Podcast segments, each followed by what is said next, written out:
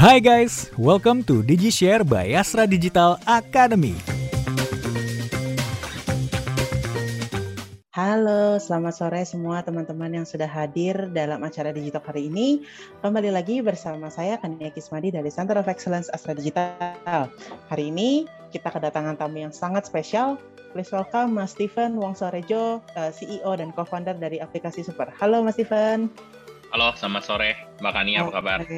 Kabar baik Mas Steven, terima kasih sekali atas waktunya hari, sore hari ini sudah meluangkan waktu untuk berbagi bersama Insan Astra sore ini. Kita langsung masuk sesi tanya jawab berarti Mas Steven? Boleh, boleh, boleh. Oke. Boleh, Uh, Mbak. Hmm. Ini sebetulnya sudah ada pertanyaan, tapi saya ada tergelitik satu. Eh, se- Oke. Sebenarnya saya udah kebayang sih kayak kenapa namanya Super, tapi saya pengen dengar langsung dari Mas Steven, kenapa memilih nama Super?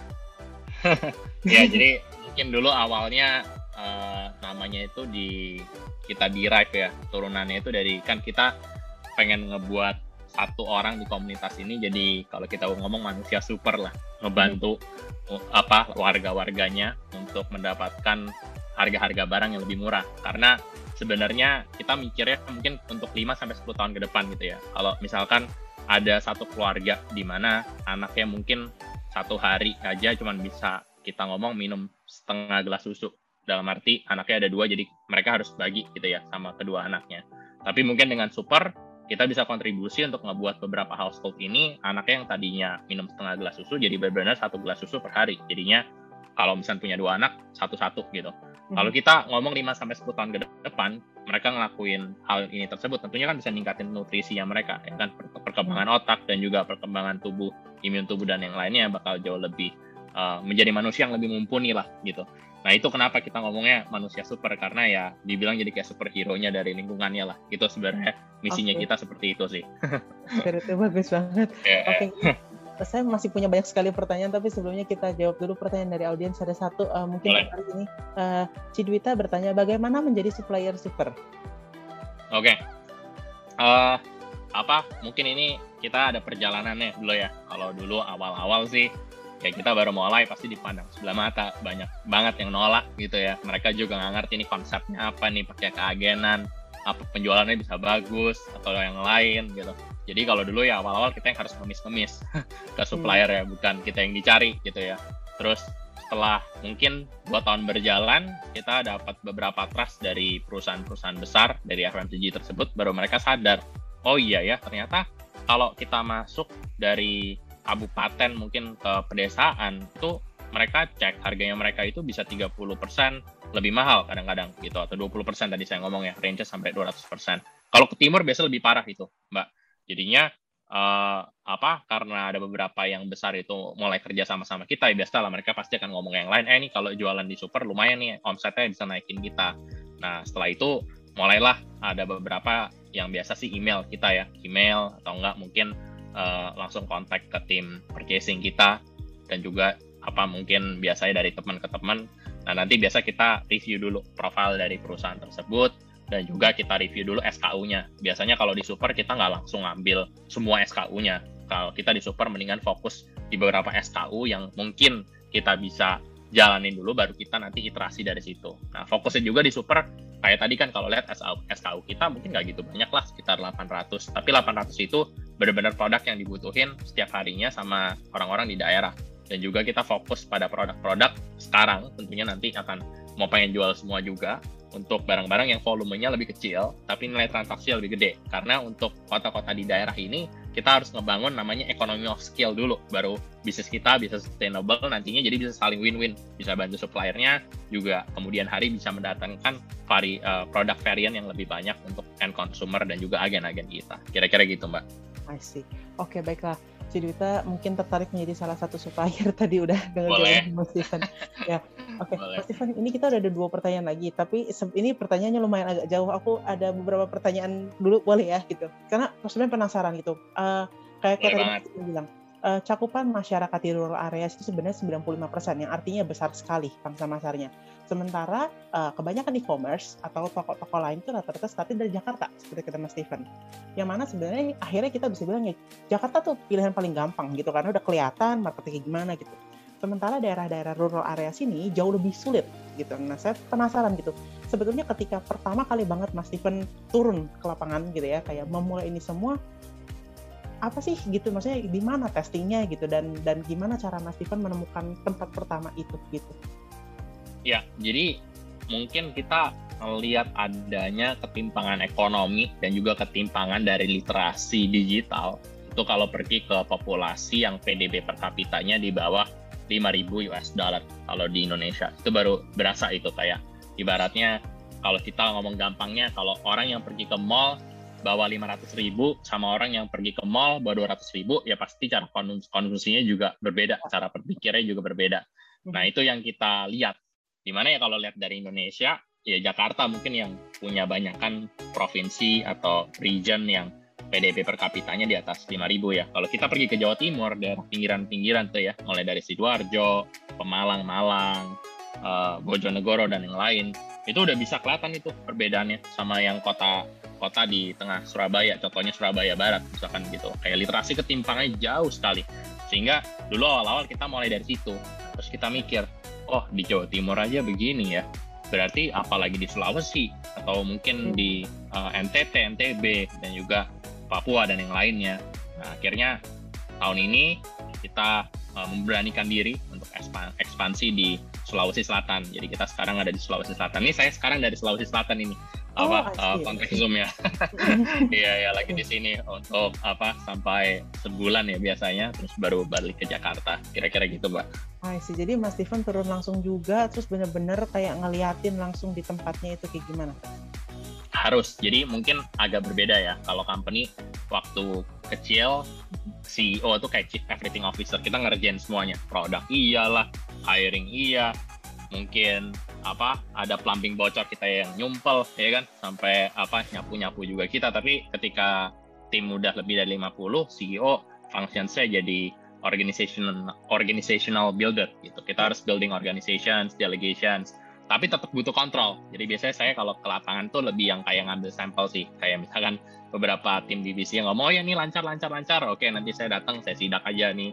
Saya liatin bener nggak nih yang apa yang dikerjain gitu kan. Ya mungkin ada yang masih kurang-kurang, nanti saya akan kasih feedback ke leadnya gitu. Apa biasanya kalau saya ke lapangan lebih yang kalau sekarang uh, ngambil sampel dan juga kalau biasa ma masuk ke market baru, saya ikut timnya sih untuk eksekusi. Lihat aja di lapangan apa sih yang terjadi. Karena kan biasa teori yang dibawa ke weekly meeting sama yang di lapangan tuh biasa bedanya jauh. Kita harus ngerasain gitu apa yang terjadi di lapangan baru kita bisa ngebuat keputusan-keputusan bisnis yang lebih baik ke depannya. I see. Oke, okay. Mas. Satu lagi dari pertanyaan saya sebelum masuk ke pertanyaan berikutnya, saya pengen tahu. Boleh, boleh. Menemukan tempatnya saya udah kebayang gitu. Uh, berarti kayak kita bisa tahu lah ya area mana yang memang tingkat belanjanya lebih rendah itu kelihatan dari angka semua. Terus kalau untuk community leadersnya sendiri, gimana uh, Mas Mas Steven apa namanya menemukan community leaders?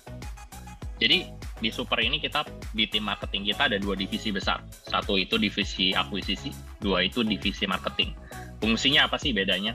Akuisisi ini yang mengakuisisi mengakuisisi beberapa agen-agen baru, community-community leader, dan juga maintenance ini itu adalah yang make sure retensi kita punya agen itu bagus. Jadi masuk ke kita ya sticky gitu. Nah, mm-hmm. kita ini beda sama tim e-commerce e-commerce lainnya yang mulai dari Jakarta. Kenapa? Karena kita tim Jakarta kita kecil, kita semua dari daerah. Di mana tim akuisisi dan maintenance ini kita hire langsung orang-orang dari kampung tersebut, dari pedesaan tersebut untuk kerja sama kita. Sehingga mereka itu bisa nunjukin kita organisasi mana sih di pedesaan itu yang kita bisa pergi dulu, ya kan? Gimana sih kita bisa punya pendekatan yang lebih hangat sama kepala-kepala desanya. Nah dari situ kita jadi bisa tahu mini influencers, mini influencers yang di pedesaan itu siapa aja. Itu yang kita uh, apa uh, ibaratnya yang kita invite untuk masuk ke platform kita. Nah kalau udah dapet nih mereka nih, biasanya awal-awal kita itu adalah building success story-nya dulu. Kan kita kalau kayak keagenan ini harus ada early success story yang bisa kita uh, apa? uh, bawa ya. Uh, nah, baru nanti virality mereka akan viral sendiri. Mereka akan sebarin PDF-nya di WhatsApp grupnya mereka. Ini ada peluang bisnis bagus nih sama super. Nah akhirnya bisa menimbulkan viralitas itu akhirnya agen kita banyak deh kira-kira gitu. Oke, okay. oke okay, baiklah. Terima kasih banyak Mas Steven. Ini ada pertanyaan dari Reza Drisananda. Uh, Due to the importance of having a social-based factor in our customers' community, what kind of strategy can be adopted to break through to new newer tier 2 to 3 cities? How do we test the demand, garner the community's trust without burning too much cash? Um, ya, nah itu dia. Kayak kalau saya, kalau di bisnis kita nih ya, saya nggak tahu nih yang nanya dari sektornya apa gitu. Hmm. Tapi kalau at least dari FMCG itu kan kebutuhan sehari-hari yang cepat habis gitu. Jadi replenish-nya cukup cepat. Ketika di bisnis yang bergerak cepat seperti komoditas ini, kalau kita langsung tap ke end consumer dengan cara digital nih ya, kita ngomong bukan offline ya, dengan cara digital, itu customer acquisition cost-nya bakal tinggi banget. Kenapa? Karena ibaratnya kalau orang di tengah kota nih gampang dapat konsepnya, oke okay, eh, kita mau jualan online dan yang lain, ini barang dijual online, saya lebih cepat percaya untuk ngeklik sampai akhirnya konversi untuk beli. Tapi kalau orang-orang di daerah, itu bisa lama banget ngertinya dan lama banget untuk trustnya, untuk bisa kayak akhirnya sampai beli. Jadi makanya tadi dia ngomong harganya mahal banget, nggak sampai di situ aja. Maintaining retention-nya juga mahal banget. Jadi orangnya udah masuk, buat dia nahan belanja terus di situ tuh juga susahnya setengah mati dan mungkin ongkosnya sangat besar gitu. Jadi belum sampai mungkin break even point ya kalau kita ngomongnya payback period itu udah kita harus invest lagi jadi ya nggak habis-habis gitu nah jadi gimana sih caranya untuk menekan cost tersebut? Makanya kita empower agen ini. Agen ini yang kita ngomong community leader kalau kita datang di kota-kota pedesaan. Kalau saya makanya ditanya bisnis social commerce tuh di Indonesia apa sih? Kan banyak kayak pemain foreigners yang datang gitu ya sekarang. Mereka ngomong presence social media Facebook digedein Instagram semua digedein. Menurut saya bukan. Menurut saya bisnis social commerce di Indonesia itu adalah gimana cara kita mengerti social hierarchy Indonesia dan gimana kita bisa utilize social capital mereka untuk menstimulasi terjadinya transaksi. Nah, makanya kita datang ke community leader. Kenapa? Karena orang-orang ini lebih gampang untuk diedukasi. Mereka biasanya ambisinya lebih besar, terus digital literasinya lebih tinggi, sehingga CAC-nya lebih kecil. Dan juga hmm. mereka lebih ngerti caranya kalau misalnya kita ada perubahan fitur, kita kasih maksudnya um, semacam edukasi, mereka lebih gampang nangkepnya gitu. Nah itu kenapa kita masuknya cara nekannya gimana? Mungkin nanti ada bisnis apa pun yang lain kalau mau di onlinein kalau di pedesaan jualan mobil atau apa mungkin yang pakai agen-agen ini. Jadi ada orang yang memfasilitasi jadi super superman-nya kalau tadi saya ngomong ya superwoman-nya dari lingkungannya untuk bisa belanjain online atau difasilitasi. Karena orang-orang di daerah ini butuh trust buat mereka akhirnya bisa bertransaksi. Dan yang kedua kita juga ada program maintenance namanya sedulur sedulur super kalau misalkan di tempat super ya, atau uh, super family in English. Di mana kita ngebuat kelas-kelas online untuk mereka agen-agen ini untuk gimana sih mereka manage uang setelah dapat uang. Nah ini juga nih permasalahan dari Indonesia Timur. Tendensinya mereka kalau udah dapat uang dihabisin semua, beli motor baru lah, liburan, uangnya habis baru balik kerja lagi. Nah kita juga dari situ ngeliat pattern baru oke okay, ini kita harus buat kelas, kita harus kayak edukasi mereka. Kalau dapat uang boleh konsumsi, tapi jangan semuanya soalnya anaknya kan harus masih dikuliahin kan dan harus kayak apa dapat nutrisi yang baik dan yang lain. Nah dengan adanya kedua ini ada emotional touch juga gitu, mbak. Mm-hmm. Di mana kayak oh ya saya masuk ke super nih bukan hanya bekerja cara jadi entrepreneur tapi gimana menjadi individu yang lebih baik dan hidup uh, hidup lebih baik lah ya dapat kualitas hidup lebih baik ke depannya itu ya ibaratnya uh, mimpi kita sehingga CAC ke depannya lebih rendah. Kenapa? Karena kita udah ngebangun branding. Jadi kayak orang-orang yang masuk super itu ya ibaratnya sukses lah ya. Kita ngomongnya gitu dan juga mendapatkan quality of life yang lebih baik. Nah, hal-hal tersebut yang mungkin bisa menekan CAC dan juga menekan retention cost ke depannya. Kira-kira gitu, Mbak. Nice. Uh, saya senang banget dengarnya. Dulu saya juga pernah ngobrol sama dosen saya ceritanya. Jadi uh, dia juga kebetulan di salah satu apa namanya bekerja di salah satu perusahaan yang fokus marketnya adalah di Indonesia Timur gitu. Dia juga bilang uh, kita kalau mau bikin bisnis yang ada hubungannya dengan sosial nggak bisa cuma kayak ya udah kasih istilah kata kasih modalnya dalam tanda petik gitu ya, abis itu udah selesai. Harus ada maintenance itu juga dari kayak Mas Steven dikasih kelas gitu supaya ada hubungannya lebih terjalin. Oke baiklah. Terima kasih banyak eh, sekali lagi sharingnya. Ya. Benar-benar uh, menyenangkan untuk dengar sharing dari Mas Steven. Gitu. Sama-sama Mbak. Ya, ya. oke. Okay. Thank okay. you ya semua. Ya, okay. thank you Mas Steven. Okay. Bye-bye. Untuk teman-teman semua yang hadir, uh, jangan lupa selain online sharing session seperti ini, Center of Excellence juga secara rutin berbagi konten mengenai digital marketing, product development, dan big data analytics lewat website astradigital.id, serta podcast Astra Digital Academy di Spotify, Instagram Instagram di Astra Digital Academy, dan jadi pastikan uh, teman-teman semua nge-like, nge-follow, dan meng-subscribe channel-channel tersebut untuk mendapatkan update terkini dari Astra Digital Academy dan Center of Excellence.